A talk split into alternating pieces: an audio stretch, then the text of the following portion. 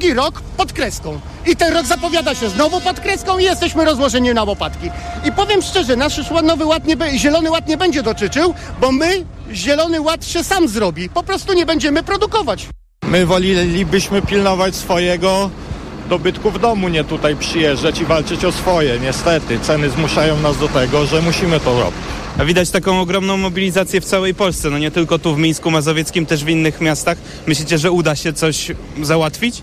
My już nie myślimy, my musimy działać po prostu. I unijny Zielony Ład, no niestety, trzeba to też jakoś zrewidować wszystko, no bo nikt nie będzie rządził naszymi polami, nie będzie nikt nam narzucał, co my mamy robić na swoim polu, no pracowali nasi pradziadkowie, dziadkowie, ojcowie dbali o tą kulturę, było wszystko ok, a teraz jakieś dziwne, nie wiadomo, postulaty i tak dalej. Tak było w Mińsku Mazowieckim, gdzie protestujący zablokowali wjazd do miasta i autostradę A2. Do rolników w niektórych miejscach dołączyli też pszczelarze i myśliwi.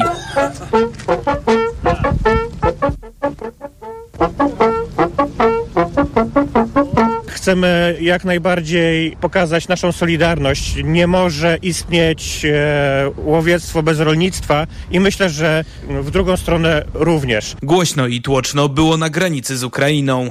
Między innymi w Medyce, gdzie rolnicy wysypali ukraińskie zboże na jednej z bocznic kolejowych. W Dorochusku prowadzili pełną blokadę przejścia. Protestujący zgodzili się tylko na przepuszczenie jednego autobusu na godzinę. Na koniec trzeba zaznaczyć, że w niektórych miejscach protesty i blokady dróg trwają nadal. I tak może być jeszcze co najmniej przez kilka lub kilkanaście godzin, a nie wykluczone, że także jutro. Stąd przed podróżą lepiej sprawdzić aktualną mapę blokad. Tę mapę blokad łatwo znaleźć w internecie, wystarczy wpisać mapa blokad rolniczych, a za tydzień rolnicy planują protestować w Warszawie. Cezary Jaszczyk, wielkie dzięki. Władze Ukrainy tymczasem poinformowały Komisję Europejską o działaniach polskich demonstrantów na granicy ukraińsko-polskiej. Oczekują zdecydowanej reakcji.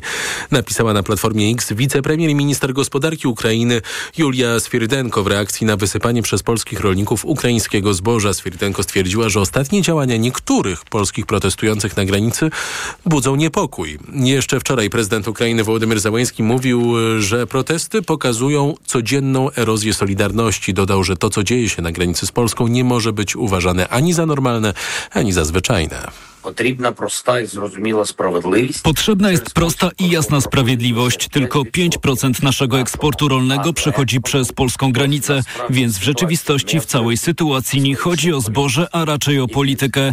A w pobliżu Kupiańska, blisko rosyjskiej granicy, gdzie wroga artyleria nie milknie, informacje z granicy z Polską wydają się wręcz kpiną. Załański twierdzi, że do rozwiązania sytuacji potrzebne są racjonalne i wspólne polsko-ukraińskie decyzje. Sonia Sobczyk-Grygiel, analityczka z Polityki Insight w rozmowie z Pawłem Sulikiem w popołudniu Radia Tok FM przypominała skąd wziął się konflikt o ukraińskie zboże w Polsce, który jest jednym z powodów protestów rolników. To jest całkowicie świadoma polityka Władimira Putina, który no, wywołał wojnę w Ukrainie, sprowokował kryzys energetyczny oraz kryzys na rynku żywności, innymi zbóż. To są, on po prostu zalał świat, zdestabilizował sytuację w Ukrainie, blokując jej możliwości eksportu przez Morze Czarne, co z kolei skłoniło Unię do otwarcia się na ten import, bo przypomnijmy sobie okoliczności, w jakich to się działo dwa lata temu. Wszyscy byli przekonani, że Afryce czy niektórym krajom Bliskiego Wschodu grozi głód z powodu braku ziarna. I z tego powodu i, i polska władza, i Bruksela tak no, po prostu otwarcie podeszły do tej kwestii, prawda? Nie po to, żeby swoje rynki zdestabilizować, tylko żeby umożliwić tranzyt ukraińskiego ziarna w świat. W TOK 360 wracam dziś oczywiście do protestu rolników. Marcin Gryn, rolnik z Zamojszczyzny, wiceprezes Polskiego Związku Producentów Roślin Zbożowych, będzie gościem TOK 360. Protesty nie tylko w Polsce, również poza granicami naszego kraju, w całej Europie. Szczególnie ciekawy wydał mi się ten e, w Czechach, gdzie doszło do prorosyjskiej ingerencji. Dołączy do mnie więc również Jakub Medek z Radia TOK FM. Podsumowanie dnia w Radiu TOK FM. Rozpoczynamy procedurę wychodzenia z artykułu 7, ogłosili w Brukseli ministrowie do spraw europejskich i sprawiedliwości Adam Szłapka i Adam Bodnar. Ten plan działania składa się z zestawu ustaw, które muszą być przyjęte przez nasz parlament, mówi Bodnar. które dotyczą statusu Krajowej Rady Sądownictwa, Trybunału Konstytucyjnego, Sądu Najwyższego, dotyczą także statusu sądów powszechnych, rozdzielenia Urzędu Ministra Sprawiedliwości i Prokuratury e, Generalnej. Dobrej myśli jest wiceszefowa Komisji Europejskiej Wiera Jourowa. Po sześciu latach rozmów w ramach artykułu 7 to pierwszy pozytywny krok, który może zakończyć się zamknięciem tej procedury. Plan Bodnara został przedstawiony ministrom do spraw europejskich z krajów członkowskich. Miał spotkać się z całkiem dobrym przyjęciem. Artykuł 7 dotyczy poważnego naruszenia przez państwo członkowskie wartości Unii. Komisja Europejska otworzyła procedurę e, przeciwko Polsce za łamanie praworządności w 2017 roku. Sędzia Bartłomiej Przymusiński, członek zarządu, rzecznik prasowy Stowarzyszenia Sędziów Polskich Justicja będzie dzisiaj gościem TOK 360. Ja w uzupełnieniu dodam, że trwają też prace nad uruchomieniem dla Polski środków z Krajowego Planu Odbudowy. W tej sprawie sprawie do Warszawy w piątek przelatuje szefowa Komisji Europejskiej Ursula von der Leyen. A właśnie przed chwilą dotarła do nas informacja, że rząd przyjął projekt zmian w ustawie o Krajowej Radzie Sądownictwa. Jeden z elementów planu Bodnara. Sędziów do Krajowej Rady Sądownictwa wybierać mają wszyscy polscy sędziowie, a nie Sejm, a gdy KRS zostanie tak wybrana, ustanie działalność sędziów wybranych do KRS-u na podstawie przepisów uchwalonych przez PiS 6 lat temu. Monika Pawłowska będzie posłanką. Postanowiła objąć mandat po Mariuszu Kamińskim. Dziś przyszła do gabinetu marszałka Sejmu, potwierdziła swoją decyzję. Od sprawy pozbawienia mandatów wskazanych prawomocnymi wyrokami Mariusza Kamińskiego i Macieja Wąsika wyraźnie się odcina. To nie mnie to oceniać. Ja odpowiadam na pismo pana marszałka. Nie jestem sądem, nie jestem Państwową Komisją Wyborczą i nie jestem marszałkiem Sejmu. Pawłowska mówi, że chciałaby wstąpić do klubu Prawa i Sprawiedliwości, ale może być z tym drobny kłopot. Posłowie klubu PiSu już zaczynają posłankę Pawłowską nazywać posłanką dublerką, czyli taką, którą objęła zajęty już mandat. Dla Moniki Pawłowskiej w naszym klubie miejsca nie ma, mówi Zbigniew Kuśmiuk. Skoro naszym członkiem jest pan poseł Mariusz Kamiński, to trudno sobie wyobrazić, żebyśmy do klubu przyjmowali jego następczynię. Rzecznik PiSu Rafał Bochenek uważa, że Pawłowska obejmuje mandat numer 461. Prawdopodobnie więc Monika Pawłowska zostanie posłanką niezrzeszoną i możliwe, że nawet jutro złoży poselskie ślubowanie. Ciekawe tylko, gdzie Kancelaria Sejmu znajdzie dla niej miejsce na sali plenarnej, choć ona sama zapewniała, że w towarzystwie posłów Prawa i Sprawiedliwości wcale źle czuć się nie będzie. Marszałek Sejmu chce nałożenia kar na siedmioro posłów Prawa i Sprawiedliwości, którzy znieważyli funkcjonariuszy Straży Marszałkowskiej, chcąc wprowadzić do parlamentu wspomnianych Mariusza Kamińskiego i Macieja Wąsika. To było dwa tygodnie temu. Wśród posłów, którzy objęci są procedurą zaproponowaną przez marszałka, e, są m.in. Antoni Macierewicz, Jan Dziedziczak, Edward Siarka czy Małgorzata Gosiewska. Szymon Hołownia ma wnioskować o najsurowszą z przewidzianych w regulaminie Sejmu kary, czyli pozbawienie diety poselskiej na trzy miesiące. Jak tłumaczył, znieważenie funkcjonariuszy Straży Marszałkowskiej nie może mieć miejsca. Ja się nie spodziewałem po posłach Rzeczpospolitej takiej agresji. Wykręcania palców strażnikom, popychania ich, zrzucania im czapek z głów, zakładania wręcz próby podduszania jednego ze strażników, bo zakładano mu takiego Nelsona. To są posłowie Rzeczpospolitej? Czy jakaś pospolita bandyterka? Dla takich zachowań, póki ja jestem marszałkiem Sejmu, a mam nadzieję też, że już na zawsze tolerancji w tej Izbie i na jej terenie nie będzie. I ta decyzja na prezydium Sejmu właśnie przed chwilą zapadła. Siedmioro posłów Prawa i Sprawiedliwości zgodnie z wnioskiem marszałka zostało ukaranych odebraniem diety poselskiej na trzy miesiące. E, teraz oczywiście liczymy się z, z odwołaniami, mówi wicemarszałek e, Monika Wielichowska. E, niewykluczone, że po rozmowach z funkcjonariuszami Straży Marszałkowskiej do prokuratury trafi też wniosek o możliwości popełnienia przeciwko nim przestępstwa. TOK 360. To teraz jeszcze dwa fragmenty z konferencji prasowej marszałka Hołowni. Można właściwie nadać im wspólny tytuł Jeszcze nie teraz albo Lepiej później. Po pierwsze w sprawie zmian w Trybunale Konstytucyjnym. Jest zgoda co do treści ustaw, części o zmianie konstytucji, jak i tekstu uchwały. Nie ma między nami rozbieżności, mówi marszałek, ale uchwała nie będzie procedowana na rozpoczynającym się jutro posiedzeniu Sejmu. Ja mam nadzieję, że te uchwały, y, że ta uchwała i te ustawy będą czytane na następnym posiedzeniu Sejmu. Y, czekam też, y, minister Berek na to wskazywał, że możemy spodziewać się ustaw, które będą z Sejmu wpływały i konkretnie też już pokazywały, w którą stronę chcemy iść, bo mi jako osobie programującej pracę Sejmu wydaje to się szalenie ważne, żebyśmy trzymali balans pomiędzy tym, że rozliczamy to, co było i że prowadzimy ludzi, czy pokazujemy, jaki kierunek teraz wytyczamy. A więc może na kolejnym posiedzeniu Sejmu w marcu. Jeszcze później z zamrażarki, której miało nie być, wyciągnięte będą projekty w sprawie aborcji. Kiedy jeździmy po Polsce, wszyscy, którym, którym, z którym ja rozmawiam, mówią tylko się nie pokłóćcie, tylko nie doprowadźcie do tego, że się rozjedziecie, że się rozbijecie. Przecież ja wiem o tym, że kwestia zmian w prawie aborcyjnym jest rzeczą, która różni nas w fundamentalny sposób. A więc ja w poczuciu odpowiedzialności za trwałość tej koalicji, za zmiany, których dokonuje polski rząd, potrzebne i wymagające czasu. I w poczuciu odpowiedzialności za tę nadzieję, którą dali nam Polacy, nam jako czterem partiom tworzącym tę koalicję, zaproponowałem model, co do którego nikt jak do tej pory nie miał wątpliwości. A więc czekamy na wszystkie projekty i rozpatrujemy je tuż po wyborach samorządowych. Żeby mówiąc zupełnie wprost, nie pokłócić się i nie poróżnić na chwilę przed tymi tak ważnymi wyborami. Swój projekt w sprawie aborcji zamierza do tego czasu złożyć trzecia droga. Ma on zakładać powrót do czegoś, co kiedyś nazywane było kompromisem aborcyjnym, czyli sytuacji sprzed wyroku Trybunału Julii Przyłębskiej sprzed ponad trzech lat. Trzecia droga wciąż chce również referendum w sprawie aborcji. Ma to być skuteczniejsze, jak mówi Hołownia, niż ustawy, które przecież może zawetować prezydent Andrzej Duda. Ministerstwo Spraw Zagranicznych wezwało ambasadora Rosji Siergieja Andriejewa. Resort wezwał rosyjskie władze do wzięcia odpowiedzialności za śmierć Aleksieja Nawalnego i przeprowadzenia pełnego, transparentnego śledztwa w celu ustalenia okoliczności i przyczyny jego śmierci, co na gorąco komentowała w programie Światopodgląd gościni Agnieszki Lichnerowicz, rosyjska dziennikarka współpracująca z Bielsatem Masza Makarowa. Tak, to wydaje się ważne. Te um, ambasadorzy rosyjscy są wzywani już e, przez um, parę dni, prawda, w poszczególnych krajach. Ja tylko powiem jeszcze, że wczoraj w, w Warszawie e, ambasada rosyjska sprzątnęła wszystkie kwiaty, znicze, tak. Zdjęcia Aleksieja Nawalnego i plakaty, które były zostawiane przez Rosjan, przez Polaków, przez mieszkańców Warszawy przed ambasadą. Aleksiej Nawalny, jak wynika z komunikatu rosyjskiej służby więziennej, zmarł nagle w ostatni piątek w kolonii karnej. Bliscy opozycjonisty do tej pory nie widzieli jego ciała i jak pisze Moscow Times, mogą je zobaczyć dopiero po wyborach prezydenckich w marcu albo nie zobaczą go wcale.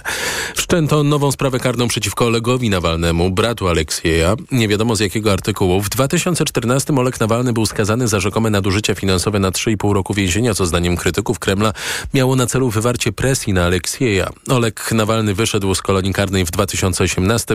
W 2021 razem z grupą opozycjonistów był skazany na karę w zawieszeniu za udział w demonstracji w obronie Aleksija Nawalnego, a w 2022 agencja RIA Nowosti podawała, że Oleg Nawalny prawdopodobnie opuścił Rosję. Julia Nawalna z kolei, wdowa po liderze rosyjskiej opozycji Aleksieju Nawalnym, która zapowiada, że będzie kontynuować jego działalność, dziś wzywa Unię Europejską do nieuznawania wyników rosyjskich wyborów prezydenckich. Podsumowanie dnia w Radiu TOK FM. Agencja Bezpieczeństwa Wewnętrznego wyjaśnia sprawę inwigilacji bezpartyjnych samorządowców na Dolnym Śląsku w czasie rządów Prawa i Sprawiedliwości. Podsłuchiwany miał być Robert Raczyński, prezydent Lubina i lider bezpartyjnych samorządowców, którzy tworzą koalicję z PiSem w Sejmiku Dolnośląskim. Sprawę opisali dziennikarze Onetu i superwizjera TVN. Raczyński po publikacji napisał w oświadczeniu, że cała sprawa to efekt tego, że jako prezydent Lubina blokował budowę spalarni odpadów w tym mieście gorzej niż Białoruś. To jest już sytuacja skrajnie przekraczająca reguły prawa, reguły państwa i to powinno być jak najszybciej wyjaśnione. Przez pięć lat wspólnie rządziliście w regionie. To naprawdę nie ma żadnego znaczenia politycznego? To tu moja ocena jest jednoznaczna. To jest skandaliczne, że wykorzystuje się służby specjalne do tego, żeby kogoś inwigilować. Czyje to było zlecenie, ja dzisiaj nie wiem. To jest sugestia, że to PiS zlecał. Być może tak było, ale nie ma znaczenia, czy to PiS, czy przez jakieś układy firm śmieciowych. To jest w ogóle skandaliczne, że służby specjalne są wykorzystywane do śledzenia osób w państwie. Co to dla Was oznacza przed zbliżającymi się wyborami samorządowymi? To jest uderzenie w jednego z liderów filar bezpartyjnych samorządowców. Ja jestem jednak przekonany, że ludzie zrozumieją, że nieczysta walka polityczna, metody są skandaliczne i że nie wolno takimi metodami walczyć. Trzeba rywalizować w demokratycznych wyborach, a nie używać takich bardzo niskich środków. Z prezydentem Lubina Robertem Raczyńskim rozmawiała Małgorzata Waszkiewicz. ABW dalsze decyzje będzie podejmować po wyjaśnieniu tej sprawy. Jak informują dziennikarze Onetu i superwizjera z materiałów zebranych przez agencję, wynika, że Raczyński i czołowi politycy PiSu czerpią zyski z zatruwania środowiska i zakopywania śmieci na Dolnym Śląsku. Przewijają się tam również wątki obyczajowe. Raczyński twierdzi, że to wszystko są bzdury, ale nie zawiadomił prokuratury, że padł ofiarą inwigilacji. W ostatniej chwili, jak informuje Onet, wycofał się za to ze startu w niedawnych wyborach do Sejmu. Śledczy z Katowic wyjaśniają, czy lekarze z Zabrzańskiego Szpitala Klinicznego popełnili błąd, który doprowadził do śmierci chorego na białaczkę 11-latka. W doniesieniu do prokuratury rodzice chłopca piszą, że ich syn dostał za dużą dawkę chemii. Lekarze ze szpitala mieli źle obliczyć proporcje leku w stosunku do masy ciała dziecka. Rodzina uważa, że to właśnie znaczące przedawkowanie leku przyczyniło się do śmierci 11-letniego Olka. Wątroba była zabita blendami. Przedawkowanie chemii. My zdajemy sobie sprawę, że białaczka to jest poważna choroba, ale według rokowania i według wyników dziecko już było w dobrej remisji. Tam dobre rokowanie, że z białaczki on wyjdzie. Plus cały czas on tolerował chemioterapię. Problemy zaczęły się tylko i wyłącznie po tym leku cytarabina, ponieważ tam doszło do ogromnego przedawkowania. Dziecko mówił, że ja umieram przed tym, jakiego no ją zabrali. Śledztwo prowadzi prokuratura regionalna w Katowicach, konkretnie dział błędów medycznych, mówi prokuratorka Agnieszka Wichary. Została przeprowadzona sekcja zwłok nieletniego pokrzywdzonego. Zostały pobrane próbki tkanek do dalszych badań toksykologicznych i wyniki tych badań będą tak naprawdę determinowały dalszy kierunek postępowania. Władze szpitala odmówiły odpowiedzi na nasze pytania, zapewniają jednak, że wdrożyły procedurę sprawdzającą. Więcej na ten temat na portalu tokefm.pl. TOK 360. Ministerstwo Klimatu i Środowiska chce powiększenia Białowieskiego Parku Narodowego, potwierdza to szefowa resortu Paulina Henning-Kloska. Szczególnie, że to jej pewnego rodzaju wyborcza obietnica z czasów przedministerialnych. Szymon Kępka wie więcej na ten temat. W tej chwili Park Narodowy, a więc ścisła ochrona puszczy, na przykład przed wycinkami, działa na obszarze jednej szóstej całej puszczy po polskiej stronie. Cel jest taki, by tę ochronę zwiększyć. Celem na pewno naszych prac będzie powiększenie y, terenu Parku Narodowego na obszarze Puszczy Białowieskiej. Proszę dać nam jeszcze chwilę popracować i zobaczymy, czy uda się dowieść hasło puszcza, cała puszcza Parkiem Narodowym. Szefowa resortu klimatu i środowiska Paulina Henning-Kloska co prawda nie wskazuje konkretnej daty wprowadzenia ewentualnych przepisów dotyczących puszczy, ale deklaruje konsultacje z samorządami i leśnikami w tej kwestii. Kiedyś podpisałam się pod hasłem e, Puszcza Białowieska Parkiem Narodowym, cała Puszcza Parkiem Narodowym e, i na pewno chciałabym e, taką obietnicę dla naszych obywateli kiedyś wypełnić. Natomiast, tak jak powiedziałam, wymaga to na pewno konsultacji zarówno zarówno z samorządami, jak i lokalną społecznością. Obiecywaliśmy, że nie będziemy ogłaszać w tej kwestii żadnych decyzji ze strony Warszawy bez konsultacji z regionem, bo to jest ważne dla tego regionu. To jest duży obszar obejmujący kilka nadleśnic, które też należy, których pracę należy zsynchronizować. Projekt ustawy o puszczy jest już gotowy. Ogranicza on możliwość przemysłowego wykorzystania tego obszaru. Jest tam też zapis między innymi, by samorządy miały otrzymywać 50% pieniędzy z udostępniania puszczy turystom. Równocześnie trwają w Ministerstwie Klimatu i Środowiska prace nad tak zwaną konstytucją Puszczy Białowieskiej. Przypomnijmy też, że przez teren puszczy przebiega zapora, a więc także w tym zakresie potrzebne są zapisy na przykład o strefach ochronnych. Szymon Kępka, TOK FM. Podsumowanie dnia w TOK FM. Przed nami goście, a już teraz przed Państwem Wojciech Kowalik. Sponsorem programu jest Nestbank, oferujący konto i kredyt dla firm. Nestbank.pl Ekonomia 360 Wojciech Kowalik. Realne pensje wystrzeliły, tak ekonomiści komentują zaskoczenie skalą styczniowego wzrostu płac. Nominalnie to wzrost o niemal 13% w skali roku, ale realnie, a więc po uwzględnieniu inflacji, takiego tempa wzrostu nie było od co najmniej 15 lat. Jak mówił w TOK FM Grzegorz Ogonek, ekonomista Santander Bank Polska, to efekt mocnej podwyżki pensji minimalnej. To zadziałało powiedzmy z automatu i rzeczywiście w tych danych dzisiejszych można się dopatrzeć, że te kawałki gospodarki, które częściej wypłacają płacę minimalną, e, gdzie jest większy udział zatrudnionych właśnie na minimalnej, no to te pokazały wyższą dynamikę, tak? No bo płaca minimalna sama poszła w górę o prawie 18%. I widzimy, że stan rynku pracy jest, jest jaki jest. Tak? To jest cały czas sytuacja e, wyraźnego niedoboru pracowników i stąd biorąca się presja płacowa. Przeciętna pensja w średnich i większych firmach, bo ich dotyczą dane GUS-u, a więc mniej więcej jednej trzeciej rynku pracy, sięgnęła w styczniu niemal 7800 zł brutto. Poznaliśmy też dziś dane z przemysłu. Ten ważny silnik całej gospodarki wciąż nie może wygrzebać się z dołka. Jego produkcja wprawdzie w styczniu wzrosła o ponad 1,5% w skali roku, ale to połowa wzrostu, jakiego spodziewali się ekonomiści. Jest kolejne opóźnienie w pracach nad ustawą o wakacjach kredytowych. Rząd, wbrew zapowiedziom, nie przyjął dziś projektu przewidującego przedłużenie ustawowych wakacji kredytowych na ten rok, bo trwają jeszcze analizy. Ministerstwo Finansów proponuje, żeby wsparcie dla zadłużonych było ograniczone tylko do sytuacji, gdy rata kredytu pochłania ponad 35% zarobków. Dodatkowo wpisano limit kwoty zaciągniętego kredytu na milion dwieście tysięcy złotych. Przedłużanie wakacji kredytowych nie jest jednak dobrym pomysłem, mówił w magazynie EKG w rozmowie z Tomaszem Settą Adam Czerniak z Polityki Insight. Konstrukcja wakacji kredytowych jest niekorzystna i do tego będzie w przyszłości ograniczać podaż nowych kredytów hipotecznych, bo banki będą się obawiać po prostu, że gospodarstwa domowe, którym udzielą kredyty hipoteczne, zaraz trafią pod ustawę e, właśnie wakacji kredytowych i nie będą musiały spłacać e, zaciągniętych dopiero co zobowiązań. Skoro to jest pańskim zdaniem zły pomysł, to dlaczego rządzący się upierają, że te wakacje będą? No jak w wielu pomysłach, którzy eksperci oceniają negatywnie, po prostu są a, atrakcyjne społecznie. Znaczy ludzie nie zawsze rozumieją daleko idące konsekwencje zmian, w tym na przykład tego, że tego typu wakacje kredytowe, które służą już mm, kredytobiorcom, którzy już mają kredyty, są bardzo negatywne dla tych osób, które dopiero by chciały kredyt zaciągnąć. I tego typu zrozumienia, złożone jednak dynamiki tego procesu, e, większość społeczeństwa nie ma i niestety popiera tego typu rozwiązania, które są dla nich jako patrząc na całość, niekorzystne. Kredytobiorcom, którzy będą mieli problem ze spłatą rat, ma pomagać Fundusz Wsparcia Kredytobiorców, z którego łatwiej będzie skorzystać. To rodzaj pożyczki na spłatę rat, udzielanej na preferencyjnych warunkach. Jej część będzie mogła być umorzona.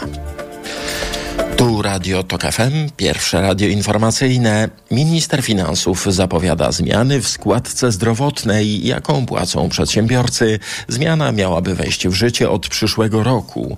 Jak mówi Andrzej Domański portalowi Business Insider, relatywnie szybko wyjdziemy z problemu płacenia składki, na przykład od sprzedaży aktywów trwałych, czyli przykładowo od sprzedaży samochodu.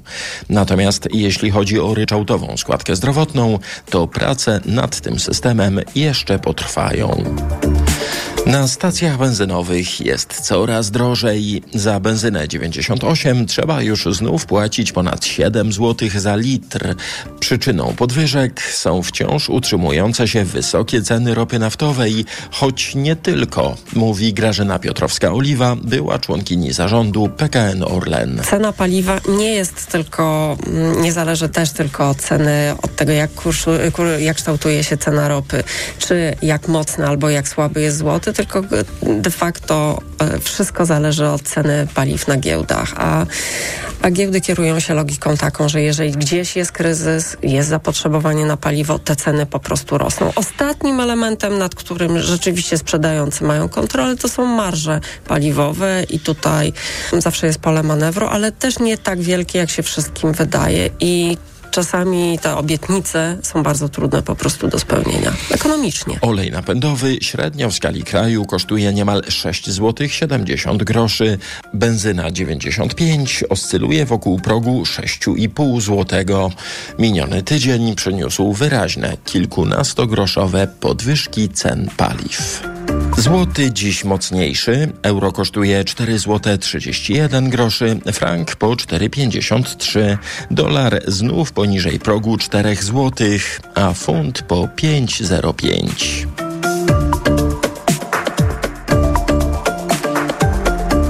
Ekonomia 360. Sponsorem Sponsorem programu był Nestbank, oferujący konto i kredyt dla firm. Nestbank.pl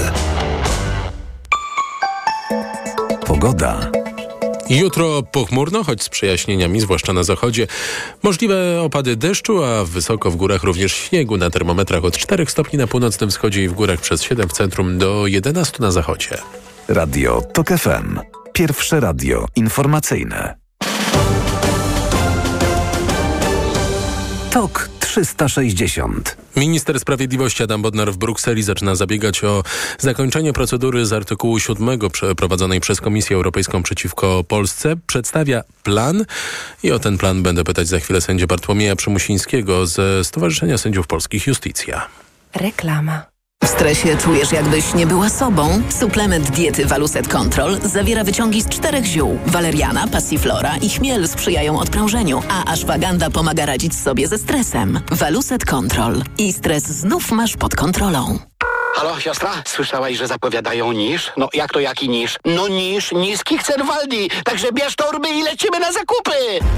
W tym tygodniu pomidory malinowe. Najniższa cena sprzed pierwszej obniżki 24,99. Teraz aż 52% taniej. Jedynie 11,99 za kilogram. A mandarynki tylko 4,49 za kilogram. Raz Aldi, zawsze coś z Aldi.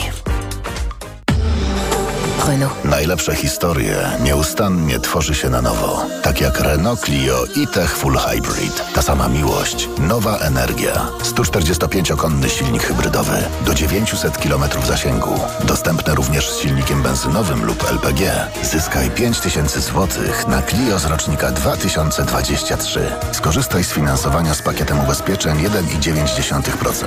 Oferta ważna do końca marca. Szczegóły w salonach i na Renault.pl. Co przygotował dla Ciebie internetowy sklep Lidla? Sezon prawdziwych okazji.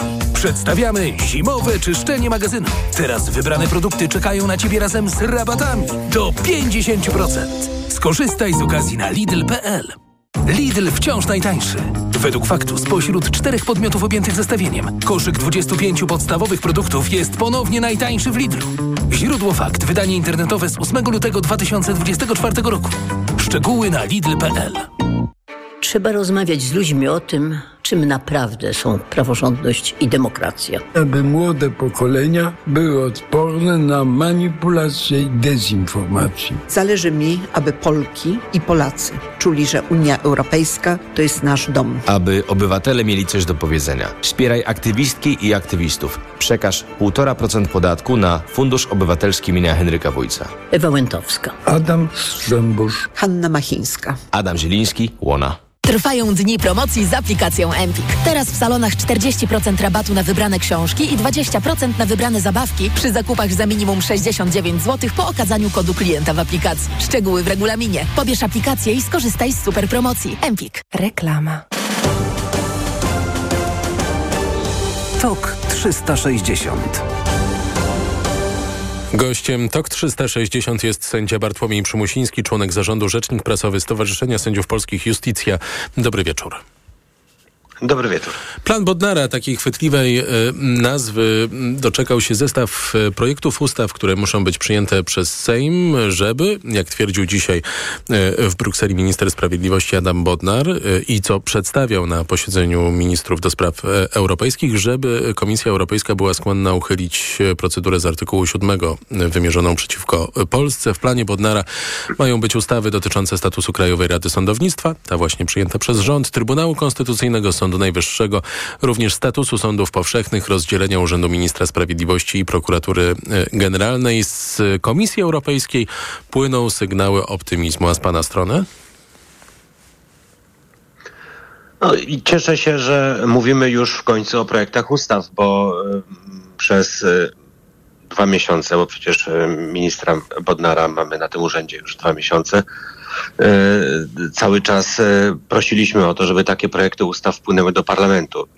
Dziś o nich mówimy i mam nadzieję, że lada chwila taka ustawa się w parlamencie znajdzie, bo myślę, że e, większość parlamentarna nie powinna się ograniczać do głosowania w sprawie wotum zaufania dla ministra Bodnara powinna wesprzeć wszystkie działania, które mają zbudować sądownictwo przyszłości, które mają zbudować sądy, które będą odporne na jakiekolwiek zawirowania polityczne, jakie mogłyby się w przyszłości pojawić. I na takie ustawy y, wyczekujemy, można powiedzieć, trochę jak na pustyni wyczekując deszczu, y, bo y, wiemy na razie o tej jednej ustawie, która ma zmienić sposób wyboru członków Krajowej Rady Sądownictwa, ale to przecież ledwie wierzchołek, ledwie czubek góry lodowej tego, co trzeba w ogóle zrobić, żeby uporządkować sytuację w wymiarze sprawiedliwości, bo rzeczy do zrobienia jest mnóstwo.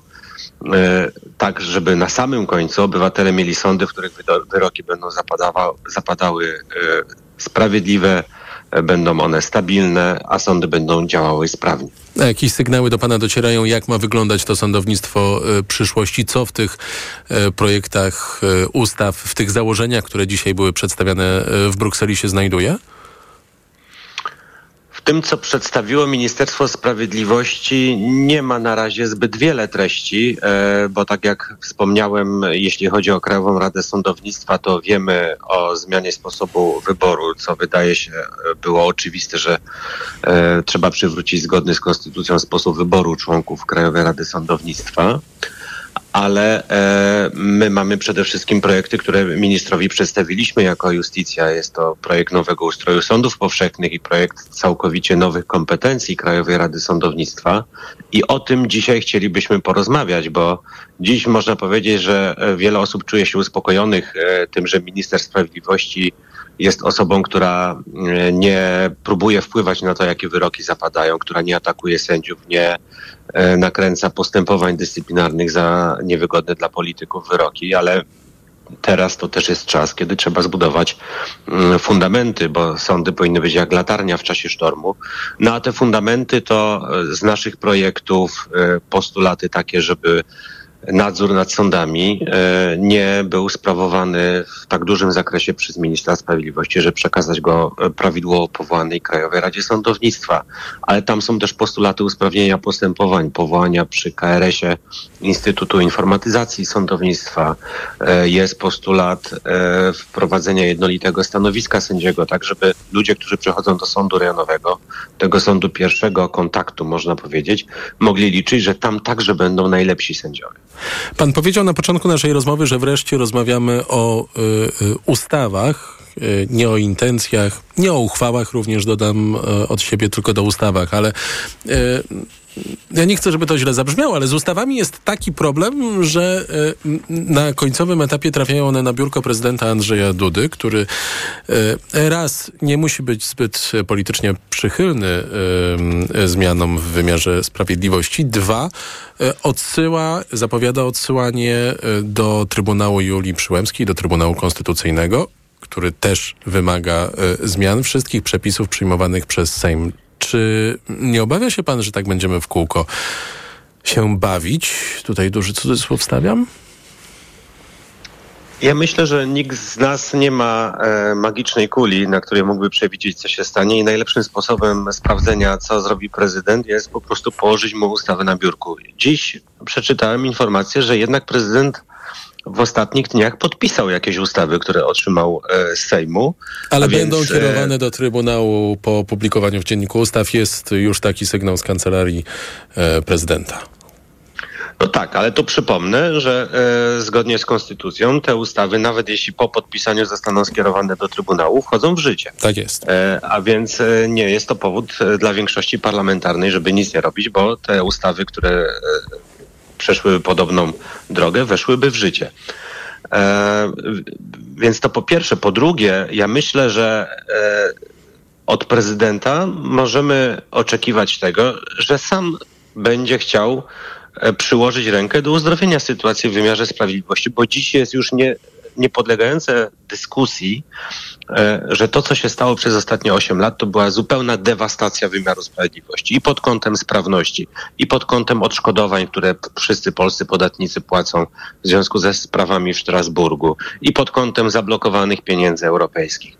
To była totalna demolka. I dzisiaj jest możliwość uzdrowienia tej sytuacji, tak żeby ludzie, e, których sprawy są w sądach, czuli, że te sprawy będą e, trafiały do rąk odpowiednio powołanych sędziów, a wyroki, które otrzymają, będą wyrokami, które w ostateczny sposób będą rozstrzygały konflikty. I to, co proponujemy w ustawach, to jest wygaszenie swego rodzaju politycznego konfliktu wokół sądów, bo jeżeli my mówimy o tym, żeby zmniejszyć uprawnienia ministra sprawiedliwości, to ja nie za bardzo wiem, dlaczego prezydent miałby się temu sprzeciwiać, żeby sądy były w większym stopniu odseparowane od e, możliwych nacisków politycznych. Podobnie, jeżeli mówimy o uzdrowieniu Krajowej Rady Sądownictwa, to ja myślę, że e, prezydent e, mógłby z satysfakcją przyjąć sytuację, w której wreszcie wnioski pochodzące od prawidłowo powołanej Krajowej Rady Sądownictwa o nominację nie byłyby kwestionowane i mógłby dokonywać w ramach swoich prerogatyw właśnie takich nominacji, które będą trwałe i niewzruszalne. Sędzia Bartłomiej Przymusiński, członek zarządu i rzecznik prasowy Stowarzyszenia Sędziów Polskich Justicja, był gościem TOK 360. Ja dodam, że trwają też prace nad uruchomieniem e, dla Polski środków z Krajowego Planu Odbudowy. Tu niezwykle istotny jest system dyscyplinarny sędziów. W tej sprawie do Polski w piątek przylatuje szefowa Komisji Europejskiej Ursula von der Leyen. Już za chwilę wracamy w TOK 360 do dzisiejszego protestu rolników. Reklama. Dzień dobry, tutaj Karolina. Właśnie jadę moją nową Toyotą CHR Final Edition. Kupiłam ją na wyprzedaży. Tam są teraz świetne oferty, takie z korzyścią nawet do 13 200 zł. Powiem wam, że to niesamowite uczucie wreszcie mieć własny nowy samochód. I to jaki? Designerski crossover, w standardzie klimatyzacja, dwustrefowa, automatyczna, felgi aluminiowe, tempomat adaptacyjny i jeszcze atrakcyjne opcje finansowania w programie Kinto. Czego chcieć więcej? Gorąco polecam wyprzedaż w Toyocie. Tu dyszka, tam dyszka, tam dwie dyszki, a tam 555. Co liczysz? Znowu jakieś wydatki? Liczę, ile zyskam z rabatów na zakupach i z premii. Tak, z apką Credit Agricole możesz nieźle zyskać, bo masz super rabaty na zakupy w tysiącach miejsc, a do tego z kontem dla Ciebie nawet 555 zł premii. Credit Agricole, Twój bank pełen korzyści. Z promocji skorzystasz w naszych placówkach i przez CA24 Mobile do końca lutego tego roku. Dotyczy konta dla Ciebie lub konta VIP. Możesz dostać do 555 zł premii w ciągu 20 miesięcy od otwarcia konta. W każdym miesiącu zapewni minimum 2000 zł wpływów i 10 transakcji. Szczegóły, dodatkowe warunki i wyłączenia w regulaminie na stronie banku i w aplikacji. Korzystaj z rabatów w CA24 Mobile płacąc kartą u naszych partnerów. Sprawdzaj biedronkowe oszczędności codziennie. Do środy. Polskie jabłka Jona Gold na wagę tylko złoty 79 za kilogram. A do soboty parówki Berlinki Classic 300 gramów jedynie 2,99 za opakowanie. Limit 3 opakowania na jedną transakcję. Oraz ser żółty w plastrach Gouda lub Podlaski Światowit 300 gramów tylko 4,49 za opakowanie przy zakupie trzech z kartą Moja Biedronka. Limit dzienny 3 opakowania na kartę. I to są dobre powody, by iść do Biedronki. Czy wypłata może zależeć od płci? Czy zdjęcie w CV jest ważne? Czy twoje życie prywatne powinno decydować o zatrudnieniu? W Lidlu odpowiedź na te pytania jest prosta. Dla nas liczą się twoje kompetencje. Choć jesteśmy różni, tworzymy jeden zespół, w którym wszyscy mamy równe szanse. Benefity są dla każdego, a wypłata jest zawsze na czas. Tak można pracować. Razem w Lidlu. Sprawdź na kariera lidl.pl. Jojętruś, mało się tacemu dziwię. No ale Kiejsek do Skitimu zaset to gęba mi się rozwarła od tego, co u widziołek. Dla tych, co kochają góry, Skitimu ogłoso zimowy zjazd cenowy. Na arty, snowboardy, buty, łodzie z światowych marków po cenach najniższych na świecie. To do Skitimu zjeżdżaj ta, a potem po zimowych stokach pomykaj ta. Skitim. Zimowa satysfakcja. Rodzinny posiłek to przyjemność. Dlatego kiedy starsza osoba ma problemy z apetytem, podaj jej Appetizer Senior. To suplement diety, który zawiera wyciąg z owocu kopru wspomagający apetyt i wspierający trawienie. Appetizer Senior. Aflofarm. House of Diamond. Jedyne atelier diamentów w Polsce, gdzie nabywasz diamenty i tylko diamenty certyfikowane przez Instytut GIA. Gwarantujemy doskonały szlif i polerancję, doskonałą symetrię i zerową fluorescencję zgodne z międzynarodowym cennikiem Rapaport. To miejsce, w którym odczujesz szlachetność kamieni w mariażu ze sztuką. Ambasadorka marki Małgorzata Foremniak. www.houseofdiamond.pl Fabryka Norblina. Warszawa. Wchodzę na wagę i znowu przytyłam. I te napady głodu. Tak, Aniu. I chęć na batonika, i potem spadek energii, i senność. Skąd wiesz? Już to przerabiałam. Okazało się, że miałam wahania poziomu cukru we krwi. Mnie pomógł trisulin. Suplement diety Trisulin to aż trzy ekstrakty roślinne dla wsparcia prawidłowego metabolizmu glukozy. Trisulin to połączenie morwy, kozieradki oraz górmaru, który dodatkowo kontroluje wagę, zmniejszając apetyt na słodycze. Trisulin i cukier w normie. Zdrowit. Reklama. TOK 360. Gościem TOK 360 jest Marcin Gryn, rolnik z Zamojszczyzny, wiceprezes Polskiego Związku Producentów Roślin Zbożowych. Dobry wieczór. Dobry wieczór. Dziś dzień rolniczych e, protestów e, w Polsce, w ponad 200 miejscach w całym kraju. Pan też protestował? Tak, protestuję, nadal, nadal jestem nawet na miejscu protestu. E, dziś dzień, ale to e, panie redaktorze, szanowni państwo, protesty już trwają, można powiedzieć, 12 dzień z rzędu, e, jednym ciągiem, natomiast e, sama, sama sytuacja kryzysowa, która wywołała te protesty i, i już pierwsze działania podejmowane w kierunku tego, aby jej uniknąć, były podejmowane pod koniec 2022 roku, jeszcze w grudniu. Wtedy. I co się stało, że w 2024 roku, e, w lutym, e, mamy ten trwający protest e, rolników? On oczywiście to jest naturalny, ma swoją dynamikę. Dziś wzmocnienie protestów za tydzień również, ale to prawda, to nie jest tak, że on wygasa albo pojawia się tylko raz na, raz na 7 dni. No niestety muszę powiedzieć, że tutaj właśnie się nic nie stało w tym kierunku, żeby tych protestów nie było. E, no proszę Państwa, ten sam problem e, od dwóch lat, e, który, który już jest konsekwencją no, właściwie nie, nie ostatnich ośmiu lat rządów, tylko nawet można powiedzieć ostatnich 16 lat rządów.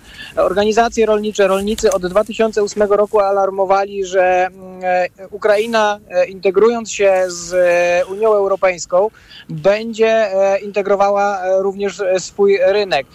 W związku z czym my będziemy musieli nasz rynek dostosować do rynku globalnego ponieważ globalny rynek się nie skurczy, a my będziemy musieli się do niego dostosować. Dostosować się poprzez rozbudowę portów, poprzez rozbudowę magistrali kolejowej, która będzie umożliwiała dostarczanie również tego ziarna do portów po to, aby ono nie rozlewało się po naszym kraju. Niestety od, przez te 16 lat nie podjęto żadnych działań e, ku temu. E, po tym, jak e, rozpoczęła się wojna za naszą wschodnią granicą, my już doraźnie podnosiliśmy naprawdę głośne, głośne apele o to, że, że musimy reagować, ponieważ sytuacja będzie nam lawinowo rosła. No i ta sytuacja lawinowo rosła do tej szklanki, dolewaliśmy, dolewaliśmy, dolewaliśmy tej wody i ta szklanka, z tej szklanki ta woda się w końcu przelała. Teraz tą, tą wodę trzeba wypić, żeby móc do niej więcej dolewać. E, no i dzisiaj to jest jeden z głównych postulatów, czyli zalewanie naszego rynku towarami spoza granic Unii Europejskiej. Natomiast drugi taki e, kluczowy element, który, który jest kulą u nogi zarówno polskiego, jak i europejskiego rolnictwa, bo rolnicy protestują nie tylko w Polsce, ale jak wiemy w całej Europie, jest propozycja Europejskiego Zielonego Ładu w formie takiej, jaka jest dzisiaj nam oferowana. W formie takiej, która po pierwsze szkodzi ekonomice gospodarstw, e, co więcej, zagraża w ogóle bytowi gospodarstw, e, gdyż czyni produkcję całkowicie nieopłacalną. E, po drugie, przyczynia się do zagrożenia, do stworzenia zagrożenia bezpieczeństwa żywnościowego, gdyż w tej koncepcji Europejskiego Zielonego Ładu przyczyni się on bezsprzecznie do do ograniczenia, e, do ograniczenia produkcji, do ograniczenia ilości produkcji, a także negatywnie wpłynie na jakość produkowanych e, towarów, produkowanej żywności. To są te dwa e, postulaty, które zresztą konsekwentnie słychać w Radiu Tok FM. Przy tym pierwszym dotyczącym napływu towarów spoza Unii Europejskiej, ukraińskiego zboża, ono jest tutaj naj, takim najgłośniejszym przykładem, chciałbym tak. się zatrzymać. Wiceminister rolnictwa Michał Kołodziejczak tak w radiu y, publicznym y, powiedział, że nie potwierdziły się doniesienia, że mimo embarga ukraińskie zboże pozostaje w Polsce i sugeruje, że rolnicy powinni protestować na innej granicy, niekoniecznie ukraińskiej.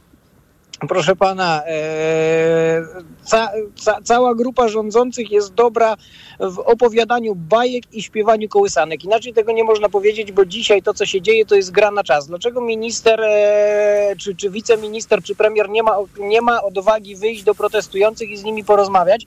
E, po drugie, sam, sam wicepremier Kołodziej, wiceminister Kołodziejczak był na, na interwencji poselskiej, gdzie nie chciano ujawnić mu dokumentów dotyczących e, tranzytowanego towaru. No to jeżeli wszystko byłoby jasne, wszystko byłoby uczciwe, zgodne z prawem, nie byłoby problemu, żeby takie dokumenty ministrowi okazać, e, no to co, to wychodzi na to, że mamy państwo w państwie, skoro minister nie ma prawa wglądu do, do dokumentów, które są, e, są własnością spółki.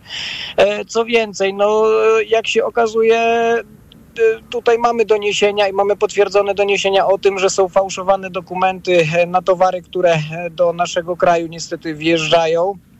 E, też e, sytuacja rynkowa tego dowodzi. No nie ma co się oszukiwać. E, koszty produkcji nam wzrosły dwu, a nawet w niektórych, że tak powiem, aspektach produkcji trzykrotnie, gdzie ceny rynkowe spadły nam o ponad połowę. Dzisiaj przy, tej, przy tych cenach, które są aktualnie na, na rynku, nie ma możliwości odtworzenia produkcji. Jest to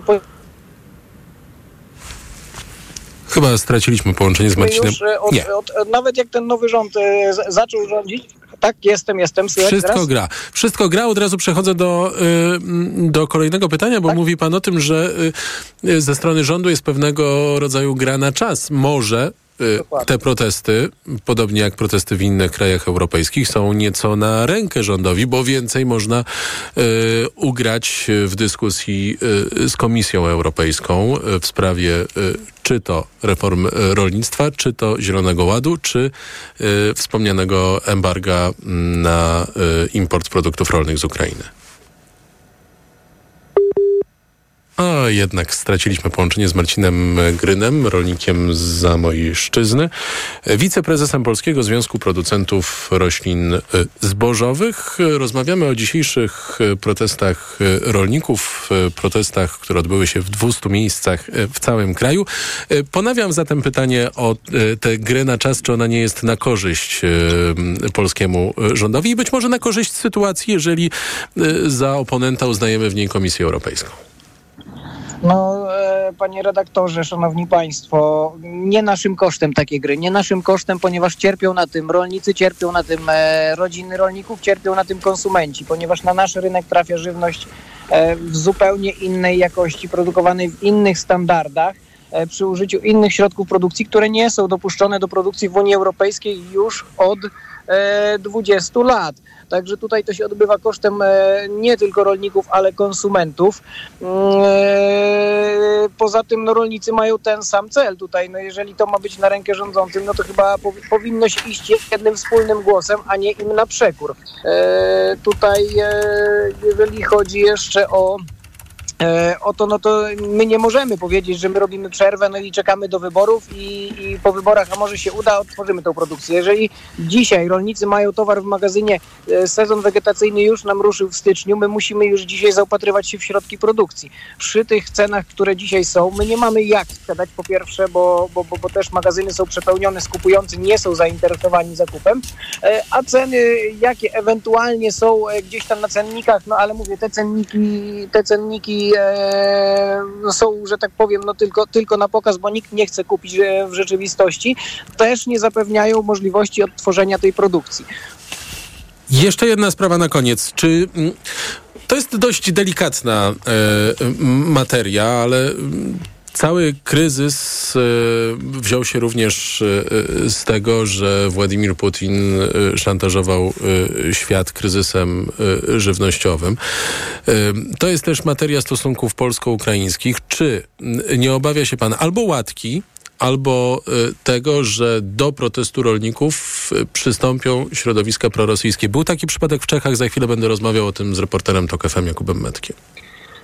Obawiam się, obawiam się, panie redaktorze, natomiast po to, po to my dzisiaj rozmawiamy, po to my tutaj e, pokazujemy to, jak jest w rzeczywistości, e, że to są rolnicy indywidualni. Tu mówię, dzisiaj nie są te, te protesty organizowane przez jakieś organizacje, przez, e, przez związki zawodowe. Dzisiaj wychodzą indywidualni rolnicy, zwykli, niezrzeszeni, ponieważ sytuacja jest na tyle zła, że no tutaj nie, nie wróżę tutaj nawet ani dobrej, ani złej przyszłości, tylko nie wróżę żadnej przyszłości, jeżeli sytuacja nie ulegnie poprawie. No a niestety, tak jak pan tutaj już właśnie e, wspomniał, mm, e, tutaj słyszeliśmy wiele takich e, górnolotnych haseł, że, że musimy pomagać światu, że musimy udostępnić nasz, nasze możliwości tranzytowe, aby te towary z, z Ukrainy, która jest potentatem na rynku światowym w produkcji zbóż, w produkcji rolnej, aby trafiały do krajów tam, gdzie, gdzie ta potrzeba rzeczywiście jest. No jak się okazuje, po pierwsze, te towary zostają u nas, po drugie, no też y, dla mnie zastanawiająca jest sama pomoc y, tutaj y, dla, dla Ukrainy pod tym kątem, że, że u nas organizuje się zbiórki żywności typu mąka, cukier, a jak się okazuje, dzisiaj do nas przyłączyli się także pszczelarze, przyłączyli się myśliwi, ponieważ produkcja pszczelarska zupełnie straciła na opłacalności. Dlaczego? Dlatego, że trafiają do nas takie towary właśnie jak cukier, jak mąka, jak miód. No to teraz ja, ja się pytam, czy, czy rzeczywiście na tej wojnie jest potrzebne to nasze wsparcie, skoro, skoro e, Ukraina nadal te produkty do nas eksportuje. Kolejna sprawa jest taka... To już na koniec. Y, tak na koniec, podsumowując, proszę Państwa, my jesteśmy, cały czas podkreślamy, za pomocą Ukrainie, za pomocą Ukrainie, ale nie oligarchom. 9 z 10 największych gospodarstw na Ukrainie, z 10, 9 z 10 agroholdingów są zarejestrowane poza granicami e, Ukrainy, dlatego cały kapitał z zysku z ich sprzedaży trafia nie do Kijowa, tylko, tylko do Luksemburga, do Stanów Zjednoczonych, na Cypr. E, i tutaj my w żaden sposób Ukrainie nie pomagamy, tylko ich krzywdzimy jeszcze, dlatego my to robimy w interesie i swoim, i Ukraińców. Marcin Gryn, wiceprezes Polskiego Związku Producentów Roślin Zbożowych, był gościem TOK 360. Za tydzień Rolnicza Solidarność zapowiada protesty y, w Warszawie, bo dziś Warszawa akurat białą plamą na mapie y, rolniczych protestów. Mapę łatwo znaleźć w internecie, to gdyby ktoś z Państwa obawiał się utrudnień. TOK 360 wraca za chwilę. TOK 360. Oto i była chwila. I po tej chwili gościem TOK 360 jest y, Jakub Medek z Radia TOK FM oczywiście. Witaj. Dobry wieczór Adamie, dobry wieczór Państwu. Ja zasygnalizowałem tę sprawę już e, przed chwilą e, w rozmowie Słuchałem. z moim gościem. E, protest rolników, którzy przejechali do Pragi wczoraj na traktorach nie spowodował większych utrudnień w centrum czeskiej stolicy. Demonstranci domagali się większego wsparcia branży ze strony rządu, a premier Petr, premier Petr Fiala uznał protest za polityczny. Organizatorom zarzucił prokreblowskie sympatie. I jeżeli ja dobrze rozumiem sytuację, która jest w Czechach, to rolnicy, którzy wcześniej protestowali, mówią, to nie my, to nie my. My będziemy protestować w czwartek. To, co się wydarzyło wczoraj na ulicach e, Pragi, nie ma nic wspólnego z naszym ruchem. To są ruchy prorosyjskie. Czy tak? Zasadniczo w dużym uproszczeniu można to tak ująć. To skomplikuj to ja, trochę. To, ja to trochę skomplikuję. Zacząłbym e, po pierwsze od e, struktury rolnictwa w Republice Czeskiej, która jest bardzo specyficzna i totalnie odmienna od e, polskiej.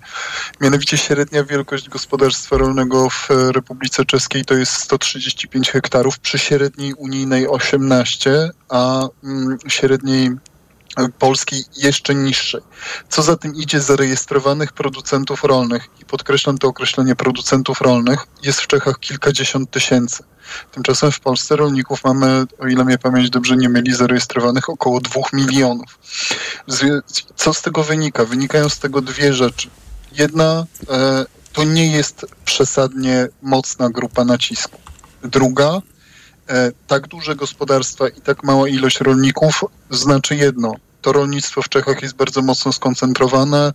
W zdecydowanej większości, znaczy generalnie rolnictwo indywidualne jest w Czechach trochę jak Yeti. Ja nie mówię, że nie ma w Czechach rolników indywidualnych, bo było ich wczoraj widać na tym proteście i będzie ich pewnie widać w czwartek na tym proteście drugim, o którym mówiłeś. Natomiast zdecydowana większość producentów rolnych e, w Republice Czeskiej to są ogromne holdingi.